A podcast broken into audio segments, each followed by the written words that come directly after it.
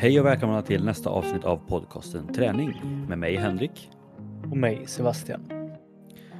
Dagens avsnitt är ett litet eh, ja, men, specialavsnitt kan man säga. Det, det är dags för intervju igen, men eh, ja, jag vet inte om man kan kalla det gäst. På ett sätt så blir det ju en gäst fast ändå inte.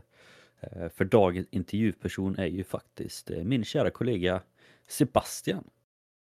Så att, eh, ja, vad, vad, säger du? Vill du bli kallad för gäst eller är du inne, innestående? Jag vet inte. Det är, är ju inte riktigt gäst. Men lära, lära känna avsnitt kanske mer. Ja, ja men det är lätt faktiskt. Bra. Få en liten inblick i lite kort om, om, om lite vilka, vilka vi är, lite så. Ja, vi har haft lite qa avsnitt innan. Jag tror aldrig vi har haft något om oss på det sättet. Um, och så kände jag bara, men det här skulle ändå kunna vara lite kul. Men istället för att vi bara tar ett avsnitt där vi ja, men, samlar in frågor eller bara tar allmänna frågor så har vi gjort så nu. Då, så att den här veckan så kommer jag intervjua Sebastian. Uh, så det är frågor som jag är nyfiken på honom. Och sen nästa vecka så kommer det vara samma sak då, fast tvärtom. Så då kommer Sebastian ställa frågor till mig. Eh, och det som är roligt med det här är att nu har vi ändå känt varandra i ja, nio år. Det är snart, vi har snart känt varandra, ja, nio och ett halvt år måste det bli. Mm. Vilket är rätt sjukt. Eh, och ändå finns det saker man undrar eller är nyfiken på. Så att eh, ja, det ska bli spännande. Men det är ju då frågor fram, främst kring eh, träning, kost, kanske något mentalt. Ja, men saker som jag är nyfiken på Sebastian fall. Hur han gör, hur han tänker. Och så får vi hoppas att han har bra svar, helt enkelt. Ja. Ja. Hur känns det? Är du, är du redo att bli intervjuad? Jag tror det. Vi, vi får se helt enkelt om jag, ja. om jag blir ställd här och blir tyst eller om jag kan ge lite bra svar. Det hoppas jag att du kan. Men ja, jag tänker att vi kör på och förhoppningsvis så ni som lyssnar kanske också känner att det kan vara lite kul att lära känna oss bättre men framförallt kanske ni får lite nya tips och tricks i er bok för att kunna skapa ett hälsosammare liv helt enkelt. Mm. Men ja, första frågan. Eh, och det här är väl något vi diskuterat lite tidigare men som jag ja, är ganska avundsjuk på eller som jag vi pratade ganska mycket att både du och jag under en längre period har jobbat ganska mycket nu med lite längre pass, eh, aeroba pass. Eh, dels för att du satsar mot eh, Vasaloppet och jag satsar lite bara för att bygga en mer eh, stabilare grund som inte jag har haft innan. Men jag känner ju det att jag har ju skitsvårt med motivationen under de här långa passen. Samtidigt som man hör att du har ju kört de här två timmars, tre timmars passen ibland, både på cykel och på längdskidor och allting. Så ja, vad gör du eller hur hittar du motivation till de långa passen? Eller har du motivation till de långa passen eller är det mer bara så här du måste bara göra det? Ja, det är kanske bättre upplagt så om jag ska vara helt ärlig. Ehm, jag har väl lite mer landat i att jag är väl inte den personligheten som kanske alltid uppskattar så som jag tror att många gör som håller på med mer längddistans. Att eh, de kommer in i något flow och liksom kan bara vara där och då. Det, det är klart att det händer. Men jag tror också att jag är lite för för nyfiken och det händer lite för mycket saker när, när jag tänker. Så springer jag eller någonting då, då blir det oftast att jag börjar kolla på saker och blir inne på det och så blir lite stressad utav det. Och, ja. Så, så mitt sätt för att liksom försöka komma in i det flowet har ju alltid varit eh, med någon form av eh, ljudbok eller musik. Ehm, och det vet jag vissa säger är lite fusk de som håller på med det länge. Men för mig är det verkligen någonting som har, har funkat väldigt bra. Eh, jag är intresserad utav att, att lära mig mycket. Det är väl oftast sådana ljudböcker jag håller på med och poddar. med. och då är det liksom så här om jag ändå så ska lägga den tiden någon annan gång och lyssna på en podd så istället för att bara sitta och lyssna på den kan jag lika använda det i mina längre pass. Och det är ju så pass att jag liksom ser fram emot de längre passen. För jag vet att jag ska få lyssna på just de avsnitten till exempel. Så det är liksom kanske första, Och den, den kanske mest ärligaste svaret att eh, för att jag ska hålla, hålla på långa pass så har det varit det ni, ni som har lyssnat tidigare har hört att jag, jag kollar om eh, både Sagan om ringen och Harry Potter och Star Wars, alla de här klassikerna för mig liksom och de är ju ganska långa och många. Så man hinner se en del liksom oavsett om man sitter inne och cyklar eller jag hade, har ju till och med en sån eh, grej på med cykel om jag hade velat göra ute men ofta så blir det ju mer poddar. Men eh, det är ett jättebra sätt liksom om jag ändå så ska kolla på tv eller bara slö så kan jag lika gärna göra något samtidigt. Um, men någonting som jag har börjat att göra lite mer det sista det är väl att försöka träna upp en vana utan att få någon musik eller något sånt och det är svårare. Men för mig har det nästan blivit men jag vet att vi har pratat lite som här att skriva ner känslor och använda böcker eller dagböcker eller loggböcker eller vad, vad vi kallar det som. Men i och med att jag från grunden har lite så här svårare med att skriva då har ju aldrig det kanske varit jättenaturligt även om jag har gjort det. Men för mig har det blivit en liten grej att jag jag gör nästan som att jag spelar upp lite saker som har hänt under ett liv och liksom reflekterar över det på det sättet. Eh, och det, och det är ganska skönt för man, man, måste verkligen ta hand om vissa saker. Nu när det har varit väldigt mycket planerande för alla roliga saker som ska hända både i podden här med och på en studio och även lite andra saker som jag snart kommer att även dela med mig här i podden. Då, då har det ju varit väldigt mycket planerande vilket också har gjort det väldigt naturligt att men då kan jag planera saker i huvudet och sen när jag är klar med träningen så kan jag försöka skriva ner och få koll på det. Eh, så jag använder nog mest tiden nu till att liksom reflektera och nästan mer eller mindre jobba. Det kanske förstör lite syftet med att, att koppla bort saker och fortfarande tänka på jobb men för mig funkar det ganska bra ändå. Eh, någonting som får min, min hjärna bara att rulla på och liksom bearbeta saker som ändå som måste bearbetas. Och då blir det att jag inte tänker riktigt på samma sätt att jag är trött utan då, då tänker jag på andra saker. Men det kan jag ändå köpa, för det är alltså det kan jag nog själv också uppleva ibland att ens kanske bästa idéer eller förslag till olika saker kring har ju nästan kommit när man har tränat. Jag vet inte om det är att hjärnverksamheten går igång ännu mer för att man just tränar, men det är ofta så att man kommer på väldigt mycket bra saker när man tränar. Jo, men eh. så, så är det verkligen. Men jag tycker också det är kul för att just det som du pratade om där, det har du pratat om tidigare också, just att du kollar på film samtidigt som du cyklar.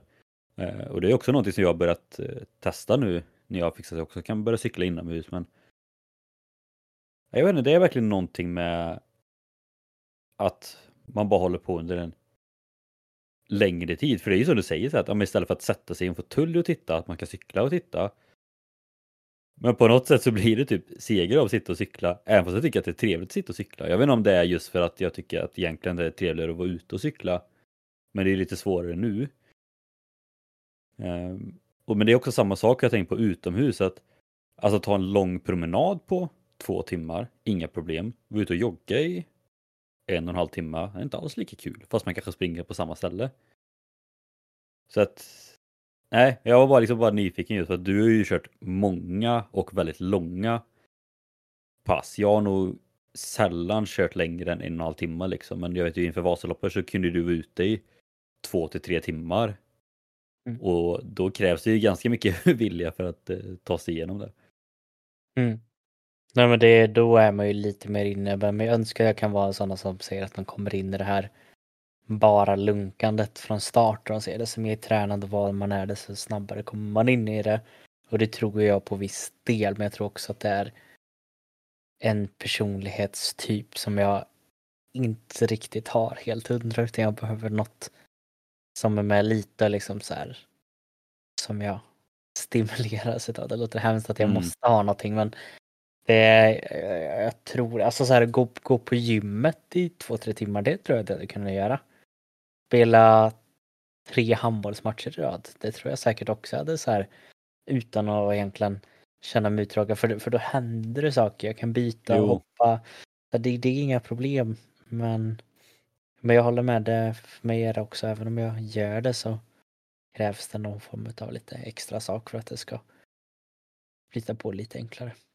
Men där är ju vi väldigt lika. Vi har alltid varit sådana som tycker om nya saker och som tycker det är kul att starta upp saker och allting. Mm. Eh, och det du sa nu, alltså det är lite därför jag startade med just hinderbanelöpning För att jag tyckte just att det var ju inte jättekul att bara springa. Men släng på några hinder mitt på vägen så det händer någonting. Då är det genast mycket roligare. Eh, så det, det kan jag också köpa. Det är kanske är det man ska försöka hitta. Liksom en, nu finns det inte så mycket sånt här i närheten, men det hade varit gött att hitta en, en runda på en mil med, med massa hinder på vägen. Kan man springa två varv per rad, då är man ute i två timmar kanske. Det, hade, det hade säkert funkat. Eller, eller det jag hoppas är att det någon gång ska komma ett sånt här springspel. Vi har ju pratat om det tidigare. Eh, men som faktiskt är riktigt roligt på riktigt. Alltså det är klart, jag gillar dem som vi har gett lite tips om innan också. Men det, det är inte riktigt det här, oh, jag, jag måste ut och springa för nu får jag det här. Men jag vet inte riktigt vad som skulle kunna göra att jag får den, just den känslan. Eh, men är det någon som är programmerare och lyssnar så tror jag att det kan vara en riktigt, riktigt bra idé om ni skulle hitta på någon sån app. Men sen är det också, eftersom både du och jag ändå är lite gamer så blir det ändå att kombinera två intressen ett hade ju varit galet kul. Mm. Eller så är det något som vi får fixa helt enkelt. Mm, vi får se vad framtiden visar helt enkelt. Bra, men bra svar och förhoppningsvis kanske ni där ute också fick en litet tips på hur man kan göra för att klara av de här långa passen. Eh, fråga två då. Det, alltså på ett sätt är det väl lite liknande med just motivation. Eh, men jag tycker både du och jag är ju ändå uppvuxna med både väldigt mycket lagidrott och nu är det senare kanske ändå lite mer individuell idrott eller man eh, säger. Mm. Så, liksom, hur känner du just det här med att träna själv kontra träna med en kompis? Eh, och då tänker jag ju inte just kanske just lagidrott, för det vet jag ju att men, de flesta tycker, och både du och jag tycker att lagidrott är ju väldigt kul. Men jag tänker typ som på gym, för du började ändå gymma ganska tidigt. Och många gymmar ju ändå själv. Men jag tänker så här, hur, hur tänker du med just typ gym eller de här långpassen, alltså egen träning? Att göra det själv kontra med en kompis. Alltså, tycker du egentligen att det är roligare att göra med en kompis eller tycker du egentligen att det är skönare att göra själv just för att man kan försvinna lite i sina tankar och komma på de här alla idéerna och sånt? Jag är ju en, en solomänniska. Det, det har jag nog egentligen varit även i lagidrotten. Mm. Uh, jag var ju inte den som stod och eh, körde gris innan eh, matcher och sånt och liksom fick den sociala stimulansen som det faktiskt är att man, man bygger närhet och lite sånt på innan man ska värma upp utan jag var ju den som i princip stod i ett hörn, det låter jättedumt men jag stod i princip i ett hörn och liksom så nästan bara så här kolla in i en vägg och bara så här, bara var där, liksom njöt utav att matchen skulle vara. Och sen så älskar jag ju att spela och allting sånt men jag får ju min inre styrka själv och det, det, det där det är väl det som är skönt med träningen att jag, jag har tid att kunna bearbeta mina tankar och hur jag känner och bygga upp mig och motivera mig. Eh, så jag har ganska svårt för att göra konditionsgrejer tillsammans med andra. Det har jag alltid haft. Eh, jag kan ta som ett exempel var när vi började löpträna med handbollen. Då av någon anledning så blev ju liksom min grej att jag bara, men jag lägger mig, jag la mig sist i ledet. Mm. Eh, för då fick jag vara själv när vi var ute och sprang. Eh, men då var det en av mina tränare som sa, men Sebbe du kan ju inte ligga sist. Du må kanske inte ha bästa konditionen eller sånt, han, men du, du ska inte ligga sist. Och det, det var så här, jag hade säkert inte den bästa, men jag var ändå så, så här, kanske lite övre toppen. Men jag kunde inte med att ligga i mitten. Så då blir ju min nya grej att jag bara låg tok först istället. Och försökte göra det. Och det är egentligen tack vare det som jag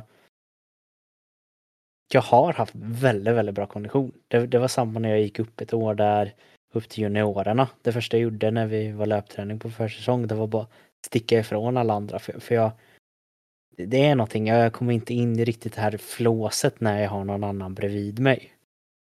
Eh, så kondition har nog alltid varit så här, ja, jag kör det själv. Om det inte är någon sån här rolig grej som då kan jag tänka mig att det är annat, typ som hinderbana, eh, kanske något cykellopp eller att det är mer en upplevelse.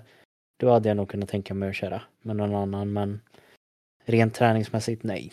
Och gymmet är det lite så här, ja det, det, det kan vara trevligt att, att köra med någon annan men det är också lika kul att sätta på någon, någon bra ljudbok och, eller något liknande, bara lyfta tungt själv liksom. Jag tycker ändå att det är ganska intressant och viktigt att du lyfter det, men framförallt just sagt, när du spelar handboll. Att du inte var den som körde gris med alla andra utan att du stod i ditt hörn. För att, helt ärligt tror jag att det kan vara ganska många som håller på med slagidrott och känner att ja, men det är typ inte okej okay, kanske att vara själv inför träningar eller inför matcher. Men det är ändå intressant, för det vet jag ju själv som coach så mycket fotboll nu. Att sagt, har du på en match 16 individer i en trupp. Alla är ju olika. Och det märks också jättetydligt på alla lag. Om det, du har dem som, några står i en fyrkant och passar. Du har ett stort gäng som kör gris. Så finns det nästan alltid en eller två stycken som går iväg själva. Vissa tar en boll, trixar lite. Vissa går nästan bara runt. Eller bara ställer sig som sagt i ett hörn, stretchar lite eller verkligen bara så här skiter i allt annat och fokus. Eh, och det är ju så alla är olika och du sa ju själv liksom, ja, men det kanske är sån du är. Men det är också intressant det just med, med konditionen. För att, för jag kan ju ändå uppleva kanske just när man kör styrka eller på gym, ja men där kan jag nog ändå vara med dig lite att ja, men det kan vara rätt gött att bara på med hörlurarna, man kör sin grej. Eh, men kondition har jag i alla fall upplevt att jag tycker det är mycket lättare och roligare att köra med någon. Men sen det hänger också väldigt mycket på vad det är för person eller hur bra de är. För att man kanske inte heller, man kanske inte vill vara ute med någon som är jättelångt efter en själv i kvalitet. Man vill heller kanske inte köra med någon som är långt före utan det kanske ändå ska vara en ganska jämn nivå där man ändå kan pusha varandra eh, lite. Men eh, ja, nej, men ändå intressant att höra att du ändå är ganska individ så oavsett vad. Jo, men li lite så länge det inte är en upplevelse då som du sa. Då kanske det är lite roligare. Och det kan jag också köpa. Men då blir det också en annan typ av träning. Om man säger. Mm. Kul. Men då vet ni där ute också att ja, men, föredrar ni att träna med någon, träna med någon. Föredrar ni att träna själva, träna själva helt enkelt. Ja. Och sen så vill man så tänker jag att det finns alltid möjlighet att söka. Man, kan, man måste inte vara fast bara för att man väljer en sak. Ja, nej, nej. Det kan nog också vara ganska lätt för vissa att jag är den som alltid är i grupp. Ja, men då blir man det. Jag är den som alltid är själv. Men ibland så behöver man både få möjligheten för man inte känner den dagen att vara själv utan man vill vara i grupp eller så kanske måste man få ibland utmaningen och inte alltid vara i grupp utan våga och träna själv. Så det mm. kan vara bra att köra båda. Ja men verkligen. Och det är också det som är bra med till exempel gym, för att även om man inte har någon då så kanske om man verkligen bara, ja men idag skulle jag verkligen behöva träna med någon. Så att man kanske inte har någon kompis som hakar på, men då är det skitbra med de här gruppträningspassen och liknande. Mm. Kloka ord från en vis man. Citerar du dig själv där du sa eller? Nej, jag men, nu menar jag dina ord. det som du sa. Ah, okay. så, så självisk är jag faktiskt inte. Eh, även om jag skulle kunna vara. Men... Eh, bra, tredje frågan. Nu tänker vi gå in lite mer på kosten. Eh, och jag har väl lite koll, fast jag tänkte ändå kunna vara lite intressant för jag känner ändå inte att jag kanske har full koll och det är egentligen din matresa. Jag vet ju bara de senaste åren hur du har ändrat din kost ganska mycket på olika sätt. Mm. Eh, så jag tänker bara så här, om man, om man börjar från start, vi kanske inte behöver ta riktigt bebisålder, men liksom, hur har din matresa varit från att du bodde hemma och då tänker jag, men ta typ högstadiet, gymnasiet, du spelade mycket handboll, käka och sen efter sen, eh, precis efter studenten, sen när du flyttade hemifrån, hur såg maten ut, eller maten precis ut då, när du bodde själv och hur ser liksom maten ut nu när du ändå har sambo som också är ganska intresserad av just mat och kost. Mm. Det är ändå ganska många olika, så jag så här, bara, om man bara följer resan, hur det liksom sett ut, vad har du ätit, hur mycket typ har du ätit? Ja, när mm. började du med dieter och lite sånt? Ja. Eh, ja, jag har nog gått, tror jag, en väldigt, för de som inte har koll inom situationstecken, eh, gjort alla fel som går att göra. Kan jag nog tänka mig att jag har gjort. I, som både varit bra för jag, jag har lärt mig mycket men också varit dåligt för det är säkert stoppat mig en del i, i vad jag skulle kunna få ut egentligen utav kosten.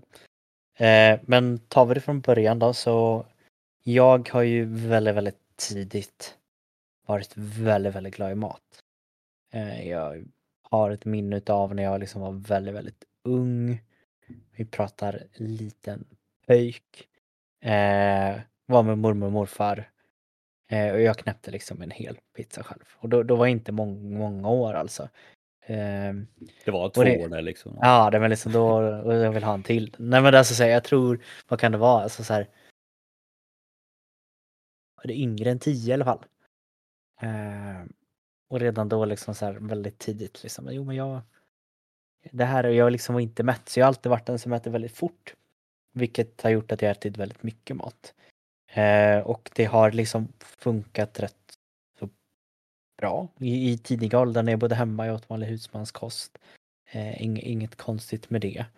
Eh, det som också hände väldigt mycket var ju att jag växte ju oerhört tidigt.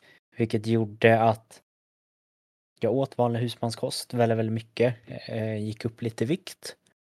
Och sen så växte jag flera centimeter, nästan en decimeter eh, på kort tid. Och liksom blev, jag, blev jag tunn och sen så fortsätter det så liksom hela vägen upp till gymnasiet. Så som de allra flesta unga så behövde inte jag riktigt tänka på hur jag åt, även om jag kanske alltid valt lite mer det, det större hållet. Eh, men sen efter i gymnasiet, då var det väl för första gången som jag blev rätt så medveten om vad kost kunde göra. Och det var väl på grund av två saker. Eh, ett var väl att Eh, vi gick ett eh, program där man pratade om träning och kost. Så då, förstod jag vad proteiner och kolhydrater och sånt var. Och för mig kändes det liksom wow, jag kan äta det här och göra att jag blir ännu starkare. Jag kan ta bort det här och göra att jag kan se starkare ut, alltså gå ner i vikt eller tappa fett. Ehm, så jag, då började jag experimentera ganska tidigt med att göra olika grejer. Eh, jag vet bland det första jag gjorde var väl att gå på någon form av Ketodiet. Eh, vilket funkar jättebra för mig. Jag har aldrig mått så bra som jag gjorde då. Har Har ju kommit på efterhand. Och det är egentligen att man äter inte så mycket stärkelserika kolhydrater, eller egentligen inga kolhydrater alls. Eller det är ju kolhydrater, det är mycket, men att man tar bort pasta, ris och sådana grejer och äter grönsaker och protein. Ehm, så det gjorde jag nog ett tag tills jag igen bara, nej men jag, jag, jag kan inte riktigt äta på det här sättet längre utan jag, jag behöver bli lite större igen. Jag vill, jag vill bygga lite muskler. Eh, och det var väl i samband med att jag också i handbollen fick höra att jag var lite för liten. Eh, och det var väl då som jag också slutade lite med handboll, i alla fall då i mål och gick ut till att börja spela lite mer utespelare igen. Och då fick jag fortfarande höra att jag var lite för liten. Ehm, I kombination med att du och jag började spela amerikansk fotboll ungefär vid samma tidpunkt. Så var det ju Där var vi inte heller jättestora. Nej, där var vi också väldigt små, men det var liksom fördelaktigt. Men jag, jag fick väl ett ganska stort på ett sätt dålig självbild över att jag är kort och jag är jag är stark, men det är inte tillräckligt stark för att jag ska kunna ligga på en, en elitnivå. För det var ju det som det enda handlade om mig. Hur kan jag bli elitspelare? Eh, och då började jag egentligen gå bort ifrån keton och egentligen bara gå in i en super, super eh, bulk kallas det. Det var länge sedan jag sa det. Men en superbulk i, i väldigt många år. Eh, och det var ju då jag kan ha lagt på mig vi kan prata nästan 20 kilo, kanske mer. Under några år, det gick ganska fort. Eh, vilket gjorde att jag blev, jag blev ganska stark, eller väldigt stark för att, för att vara så pass ung både i lyften och i amerikanska fotbollen var det enklare. Jag gjorde ju en, en återresa tillbaka där i, eh, när inte du var med. Gick från att vara receiver till running back för jag, jag var lite mer bastant så det kändes jättekul. Eh, åt fortfarande då ganska vad jag ville för då hade jag flyttat hemifrån. Jag hade möjlighet att kunna äta liksom lite samma mat hela tiden. Så det passade mig för då visste jag att jag ska få i mig mycket av allt. Vi kör på ris och kyckling och curry typ och köttfärssås och spagetti. Jätteenkel mat men liksom så här, det, det, var ändå så bra grönsaker till. Inte så mycket att tänka på. Ehm, men efter ett tag så kände jag väl att ja, men det, det är för jobbigt att vara så här tung i kroppen. Eh, och jag kände väl att ja, men det, det, spelar ingen roll varför det är så viktigt att jag måste vara stor och stark. Jag, jag kan vara bra ändå. Och då, det var där någonstans som det började också bli lite mer jobbigt. Jag hade liksom kunnat gömma mig lite bakom att jag kände mig stor. Genom att jag, jag bulkar ju, men där så var det väl med att jag började ta tag i livet. Med att mer äta mer rent. Så där har jag ju från att jag var 21 kanske. Eh, testat allt som gick att testa. Mest för att det inhörde, tillhörde mitt jobb och jag tyckte det var jättekul men äta pescetarian, alltså bara typ pescetarian, bara fisk, äta vegetariskt, äta LCHF, äta mycket kolhydrater, äta ingen kolhydrater, alltså så här, allting för att bara se vad det är som landar för mig. Eh, och det är klart att det, det hjälpte. Jag, jag ändrade om hela min kroppskompensation, jag blev lite mindre och lite mindre men det är fortfarande, jag har haft ganska svårt att tappa det här extra liksom. Eh, men sen det största skiftet då i kosten. Eh, det kan nog vara mer än ett år. Om jag ska vara ärlig innan jag träffade Isobel. Men redan då så började jag liksom läsa på ännu mer om om just det här med, med rött kött och ännu mer mejeriprodukter. Och då kanske det var framför allt att rött kött hade jag hört så mycket om och de flesta runt omkring mig hade liksom slutat helt med det. Eh, så då blir det naturligt för mig att minska på det. Eh, med mjölkprodukter eller animaliska produkter som yoghurt och sånt. Det var också så här naturligt för det åt jag bara för att det var enkelt. Jag är ju egentligen laktos från början så det finns ju liksom ingen logik i att jag skulle äta yoghurt men jag gjorde det för det var, det var enkelt och billigare än laktosfri. Mm. Eh, så det, det slutade jag också med nästan helt. Eh, så det var där ett tag som jag liksom drog ner på mycket. Men sen var det ju då för ja, eh, mer än ett år sedan som som jag tack vare då min nuvarande sambo kom in mer på det veganska, eh, för hon var vegansk. Och det var egentligen inte att jag träffade henne när jag blev vegan, utan det var mer så här, jag lärde känna henne först. Och hon sa att hon var vegan och jag bara, ah, det har inte jag testat. Jag har testat vegetariskt. Och jag åt vegetariskt kanske tre, fyra dagar i veckan för jag tyckte det var gott. Eh, så för mig var det mer så, ja, ah, nej, men jag, jag testar att göra det i början så var det ju egentligen enbart mer för att testa på. Efter bara en vecka så var det väl mer att oj, kan, kan jag må så här pass bra?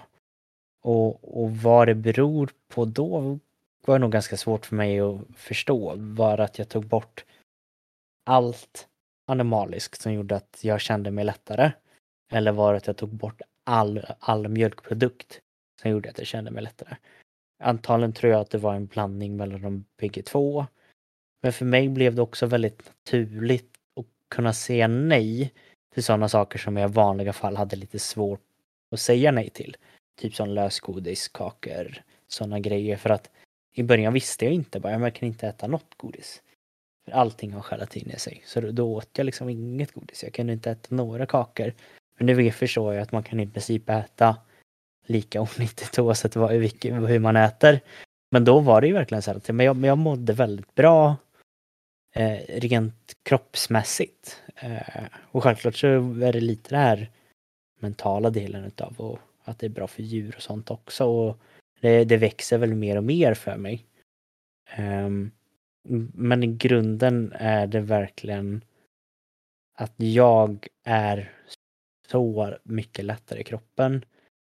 Jag känner mig och även resultatsmässigt så är jag uppe snart på samma styrkemässiga resultat som jag var när jag var på min högsta bulk och vägde rätt så många, många mer kilon.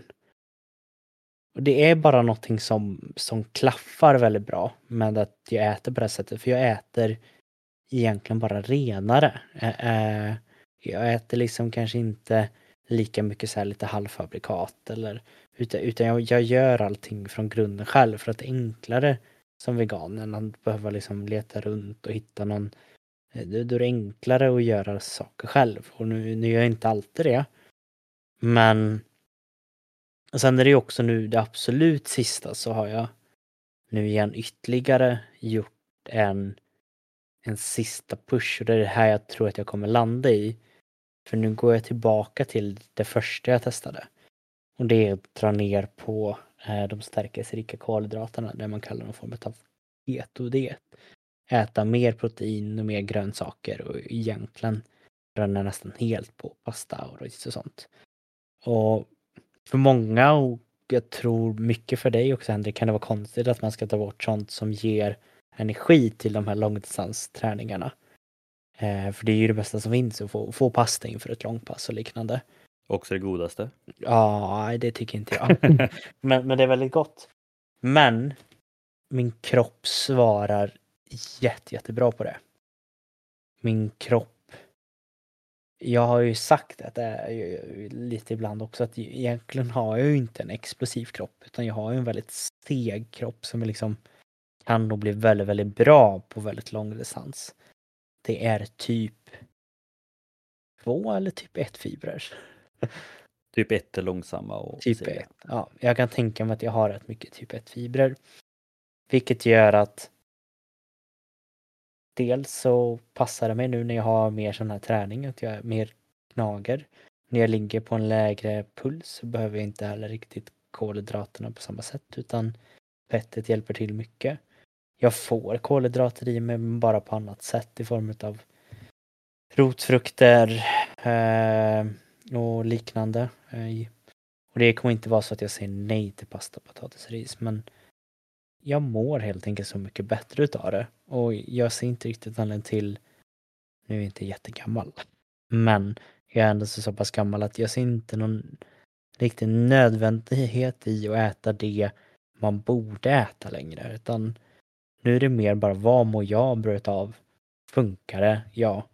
Då spelar det ingen roll ens om forskningen säger att det här ska hjälpa mig mer, utan då, då kör jag bara på det jag mår bra utav.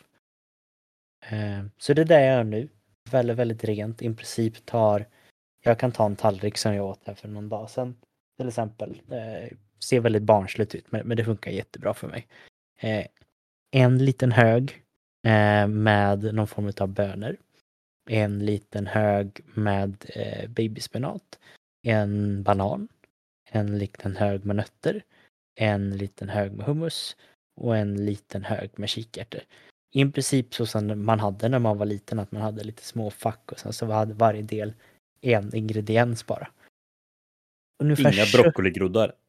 Nej, men jag hade, ja vi har groddar nu, nu är inte vissa Isabelle nära här så de kan inte säga vilka groddar det är, men det är groddar ja, med. De, de åt jag igår, men det var inte den tallriken. Men det är i princip att jag tar en var, en råvara, nötter, och lägger det på tallriken. Sen tar jag en annan sak och lägger det på tallriken. Eh, och det är liksom, det är väldigt lätt, det är väldigt gott, man kan fortfarande krydda och göra allting som man vill. Men det är inte att jag inte ska se vad det är, utan det är bara lätt. Sen igen, jag kommer äta vanlig mat också, men, men, men det här mår jag bra utav så jag ska hålla i det ett väldigt bra tag, tror jag. Kul. Ja. Mm. Ja, det känns ja. bra i alla fall. Ja, det är bra. Eh, först och främst, alltså jag fick typ lite så här sommarprats-vibe nu. Oj. Ja, nej men det var faktiskt riktigt kul. För det var också därför jag ville ha den här, för jag vet ju sagt att du har testat mycket och gått igenom väldigt mycket. Eh, och sen vet jag också att du är väldigt intresserad av det ämnet så därför tänkte jag att det kan vara en kul fråga. Och som sagt, även fast jag har hört väldigt mycket av det här och varit med på resan egentligen hela tiden Mhm. eh, så blir det en annan sak när man får liksom höra alltihopa från steg till steg. Jag hoppas även ni som lyssnar tyckte det var intressant också fick med väldigt mycket för att det som jag tycker är sjukt intressant är ju ja, men dels hur mycket du ändå har hunnit testa. För som sagt, vi är fortfarande bara 25. Eh, men också hur, liksom, hur väl du ja, men analyserar det du testar eller liksom så här, försöker ta reda på okej, men vad, vad gör det för mig? Vilka effekter har det? Som du märker, om du, test, du testar en ny grej oavsett om det är diet eller nytt livsmedel eller råvaror och så ja men nu upplever jag att jag får den här effekten, jag blir större, jag blir starkare, eh, men kanske inte precis jag vill. Ja men då ändrar du på någonting och så testar du, ja men nu blev jag mindre, mer uthållig, ja men det är bra. Så testar det här, ja men jag får inte den effekten jag vill ha. Ja men då testar vi det här.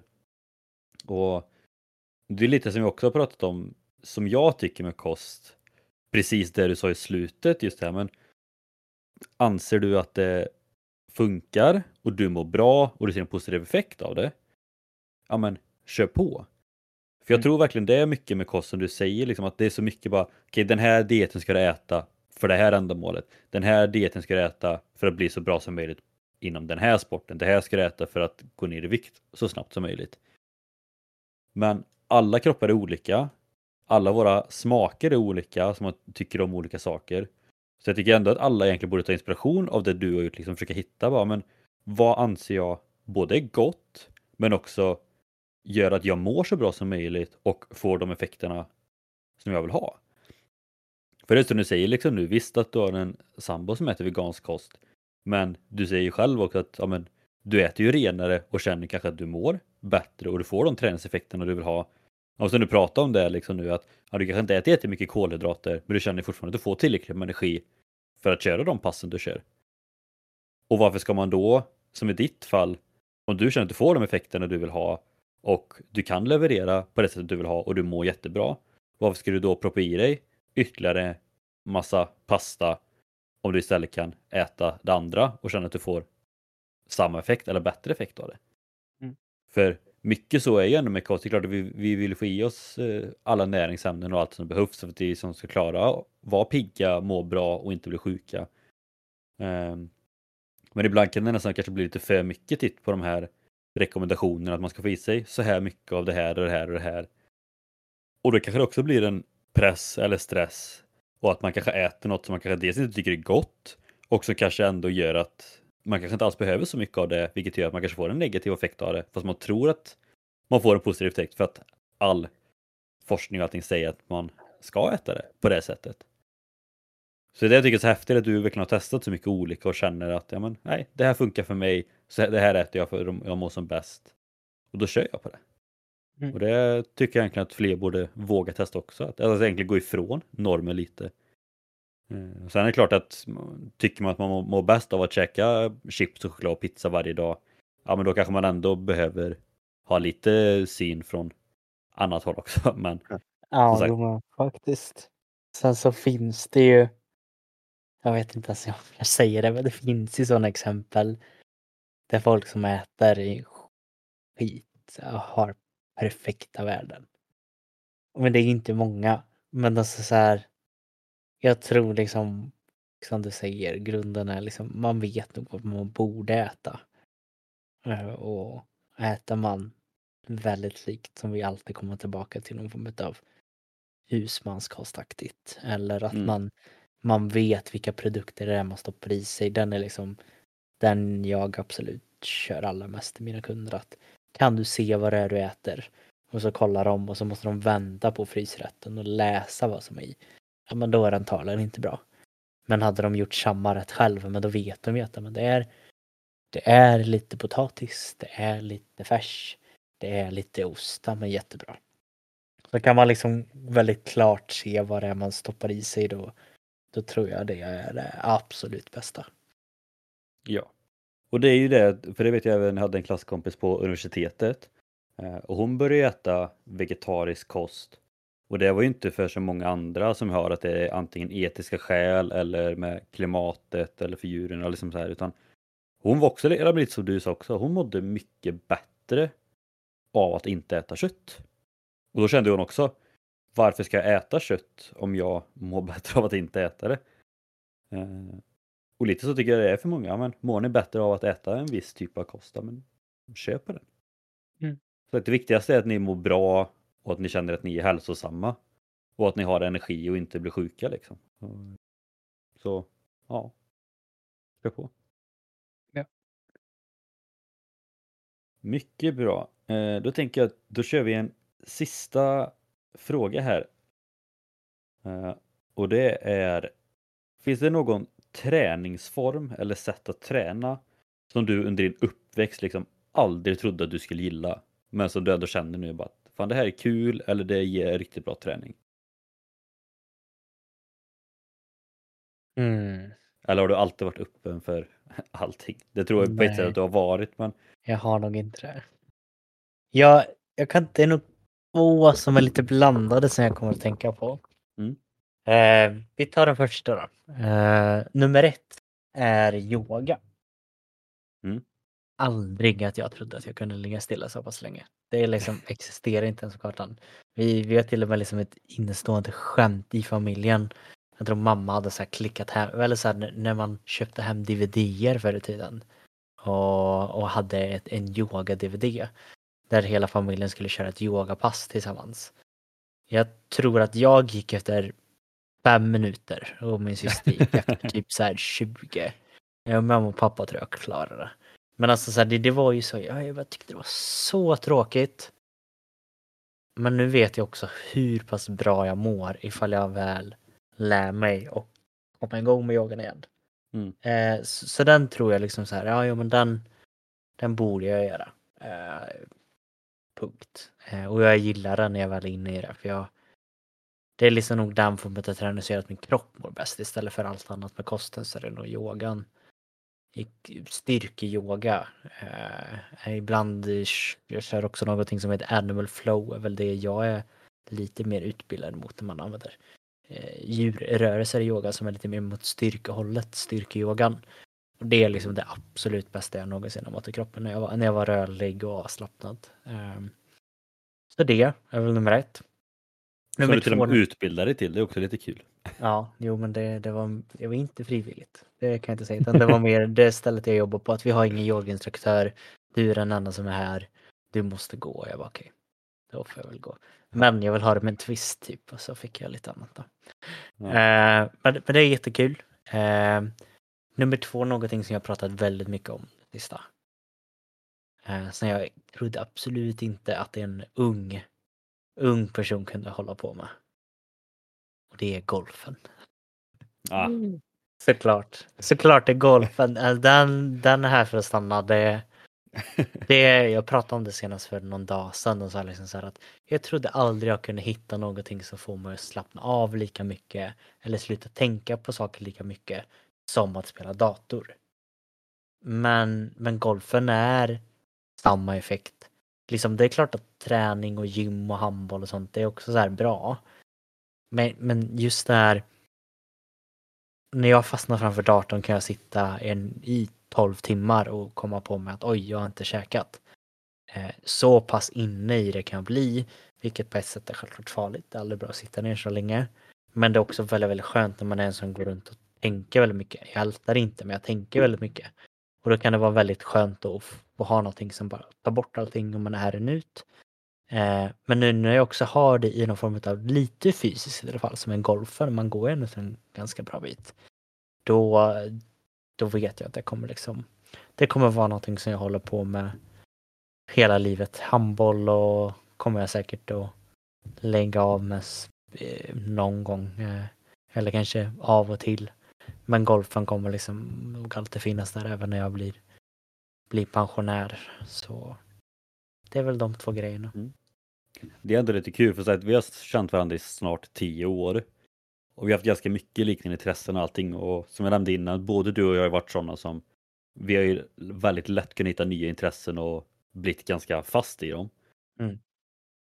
Men så under de här tio åren så är nog faktiskt golfen det som är överlägset du, som jag också har känt att du verkligen har liksom fastnat eller nördat ner i. Och Ja. också ganska snabbt. Ja, jag är helt, helt galen i det. Hela min personliga tränarroll är ju riktad mot golf nu. Ja. Alltså ni som lyssnar, så här, vill ni ha en, en riktigt duktig Peter på golf trots att det är så här kort tid. Jag har exakt förståelse över hur din kropp ska kunna röra dig för att få en optimal sving liksom.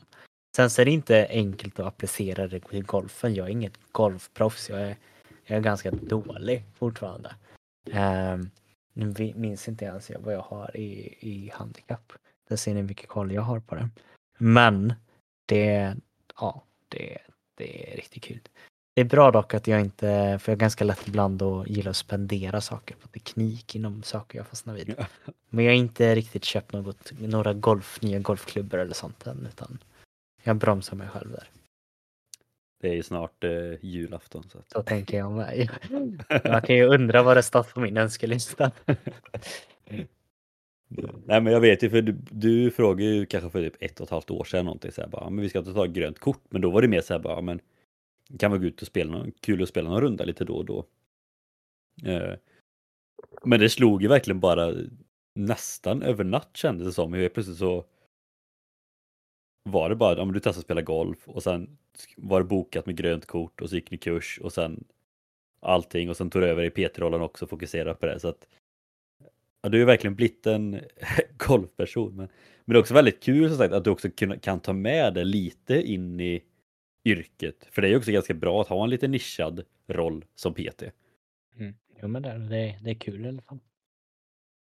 Det hör ni ju då ni som lyssnar också att oavsett ålder, oavsett vad ni är för typ av person så kan man alltid hitta nya sätt att träna på.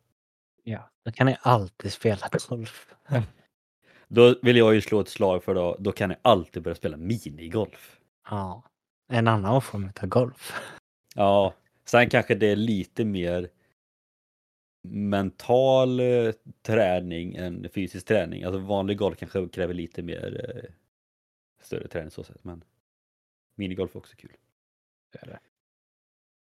Bra, men det var väl de eh, frågorna jag hade. Så stort tack för att du ville vara med på intervjun Sebastian. Ja, Tackar, tackar, tackar, tackar. Eh, Så nu har jag lärt känna min gamla kompis och kollega lite mer. Förhoppningsvis har ni också fått lite mer blick av Sebastian. Vem han är som person, lite erfarenheter och förhoppningsvis har ni kunnat ta med er väldigt mycket. Eh, För det har jag kunnat gjort och det är lite därför vi gjorde det här då, för att kunna, ja men, som sagt, lära känna oss lite bättre men också samtidigt kunna få bra tips och tricks i lite olika saker. Eh, Innan vi avrundar så vill jag bara slå ett slag för att eh, du och jag har ju faktiskt startat en bussa till Musikhjälpen. Mm. Eh, den heter Träning? frågetecken mot hunger. Så det kan ni gå in och söka på. Och jag kan egentligen läsa vår beskrivning här. Och det är då att vi i podcasten Träning tycker att alla har rätt till förutsättningar för att kunna leva ett hälsosamt liv. Vi hoppas att vår community kan gå ihop och göra vad vi kan för att bidra till kampen mot hunger. Och vi kommer även göra detta till en utmaning för att förhoppningsvis kunna få in ännu mer pengar till bussan. Så för varje krona som vi får in till bussan kommer vi att göra en övning. Och då har vi satt som förslag här då att eh, till exempel mellan då krona 1 till 500 så kommer vi göra en armhävning per krona. Mellan 500 och 1000 till exempel en squat per krona. Mellan 1000 och 1500 en burpee per krona. Ja, och så. Eh, och detta är någonting vi då kommer filma och lägga upp antingen som en eh, livestream eller eh, ihopklipp för att se lite. Vi har satt ett insamlingsmål på 1000 kronor, vilket vore väldigt kul. I dagsläget så är vi uppe i 200 kronor, så det är en god bit på vägen. Men sagt, vill ni hjälpa, eller ja, oss är det ju inte egentligen, men vill ni stötta kampen mot hunger och hjälpa alla de som kämpar med mat där ute i världen så gå jättegärna in och skänk en slant och varje krona är ju viktig. Det är helt upp till er hur mycket ni vill skänka. Men som sagt, ni kan gå in på Musikhjälpen på bussarna där. Antingen söker ni då träning? frågetecken, då tror jag vi är den enda som dyker upp. Eller om ni bara söker på träning så kommer vi också dyka upp där. Och så har vi en bild på vår eh, logga där så att den är tydlig att hitta. Så hoppas vi kan göra något kul tillsammans. Ja, Väldigt, väldigt bra. Eh, vad säger man? Good cost för en eh, väldigt fint. Eh, så verkligen gå in, lägga en liten donation där det skulle betyda mycket för alla. Eh, något som också skulle betyda mycket för oss det är ju faktiskt om ni går in och följer oss på Instagram med Traning Podcast. Eh, där vi lägger upp eh, sådana här roliga grejer där vi både kan göra något fint tillsammans men även våran julkalender är ju i full gång. Så är du ute efter eh, inspiration i träningen eller kost eller lite allt mellan himmel och jord då kan du få det via våran julkalender helt enkelt. Jajamän, och där kanske vi också kommer lägga upp lite teasers eller bilder där på våran eh, studio som vi kommer börja med vid årsskiftet. Jajamän. Annars är det som vanligt att vi tackar just er som lyssnar. Vi är otroligt tacksamma för att ni fortsätter att komma in och lyssnar vecka efter vecka. Eh, och vi hörs nästa vecka helt enkelt då. Det gör vi. Ha det gott!